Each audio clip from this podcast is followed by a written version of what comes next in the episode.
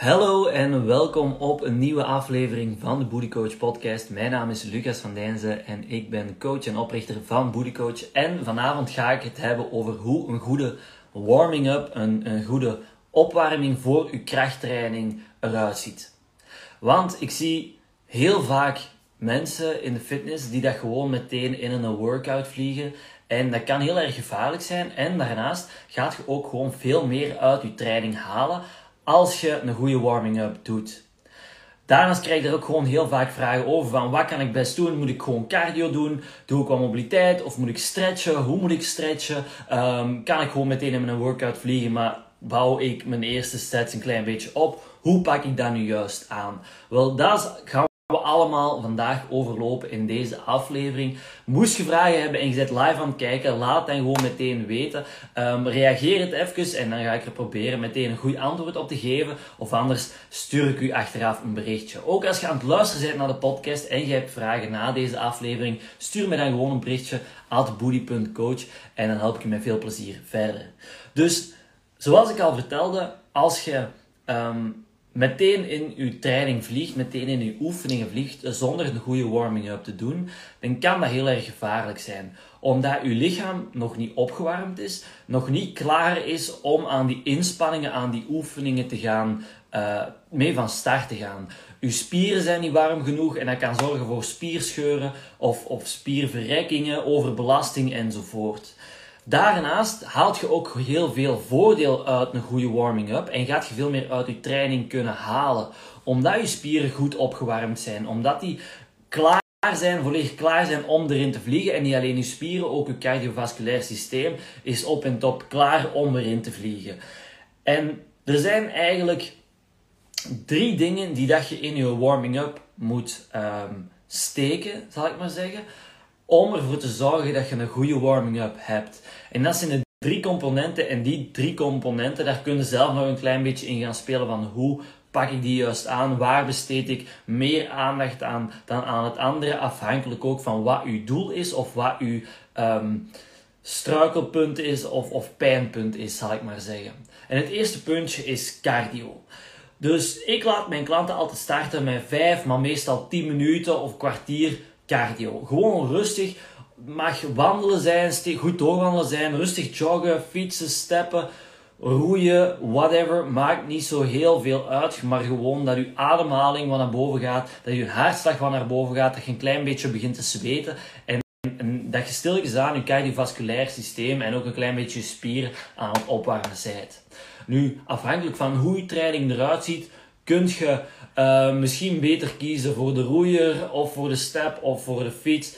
Maar het belangrijkste is dat je gewoon je lichaam dat dat geactiveerd wordt. En dat gaan we doen aan de hand van die cardio. Dat mag 10 minuten heel rustig aan zijn, maar je kunt dat ook een klein beetje opbouwen. Of je kunt zelfs doen van um, drie minuten rustig, twee minuten wat harder door, dan nog eens drie minuten rustig, dan nog eens twee minuten wat harder door. Met wat interval erin maakt eigenlijk niet zo heel veel uit. Hetgeen waar dat jij plezier in hebt, maar het belangrijkste is dat je dat gewoon die cardio's langzaamaan opbouwt.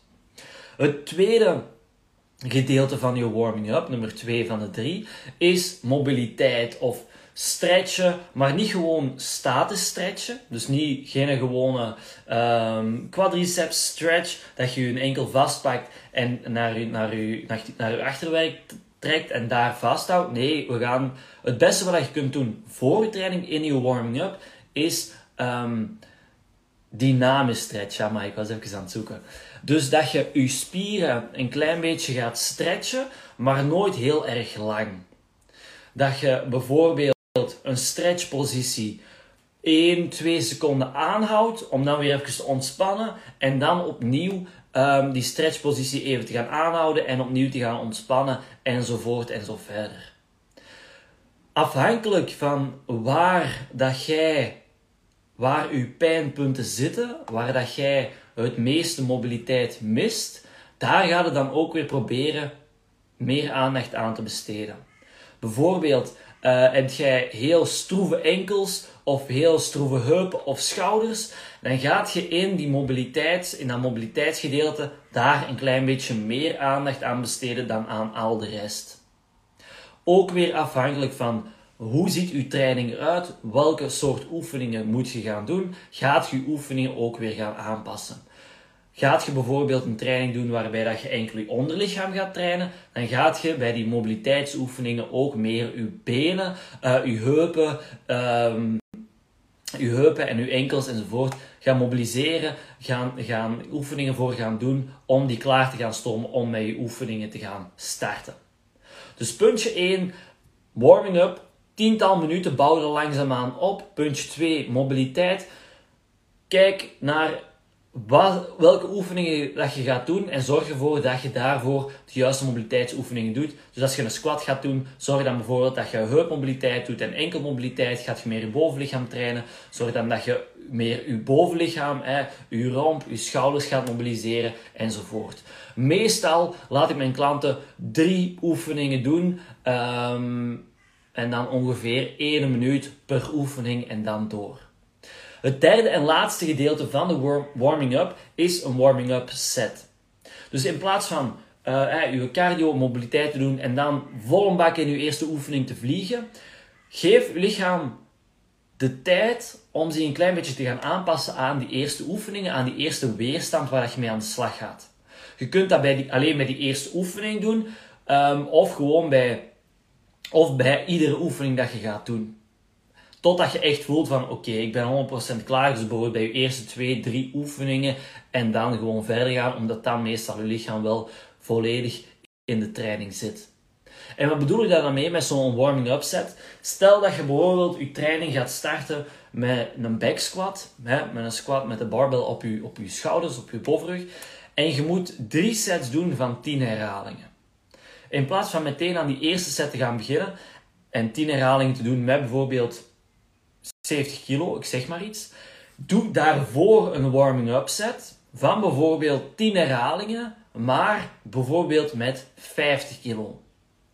Of doe uh, één set van 5 herhalingen met 50 kilo en doe dan nog een tweede warming-up set met 60 kilo en dan begint je pas aan je drie sets van uh, eh, 10 herhalingen met 70 kilo. Bouw die oefening op voordat je meteen start met 10 herhalingen met je, je gewicht dat je normaal gezien doet, met die 70 kilo in je nek. Dus dat is wat ik bedoel met die warming-up set.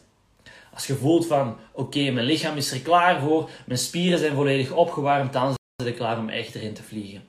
Dus ik herhaal zo nog kort even de drie ehm, puntjes van een goede warming-up. Eerste puntje cardio, 10 minuten, bouw er langzaamaan op. Tweede puntje, mobiliteitsoefeningen. Kijk naar hoe dat je training eruit ziet en pas die mobiliteitsoefeningen daaraan aan. Um, drie oefeningen van telkens 1 minuut, denk ik dat een heel goed begin is. En dan het derde puntje, een warming-up set voordat je echt aan je core van je training begint. Hopelijk was het interessant, hopelijk heb je heel wat opgestoken. En uh, als je vragen hebt over deze aflevering, over een goede warming-up of iets anders, laat het mij dan weten. Stuur mij een berichtje at boody.coach en dan help ik u met heel veel plezier verder. Bedankt om te volgen, bedankt om te luisteren en tot snel.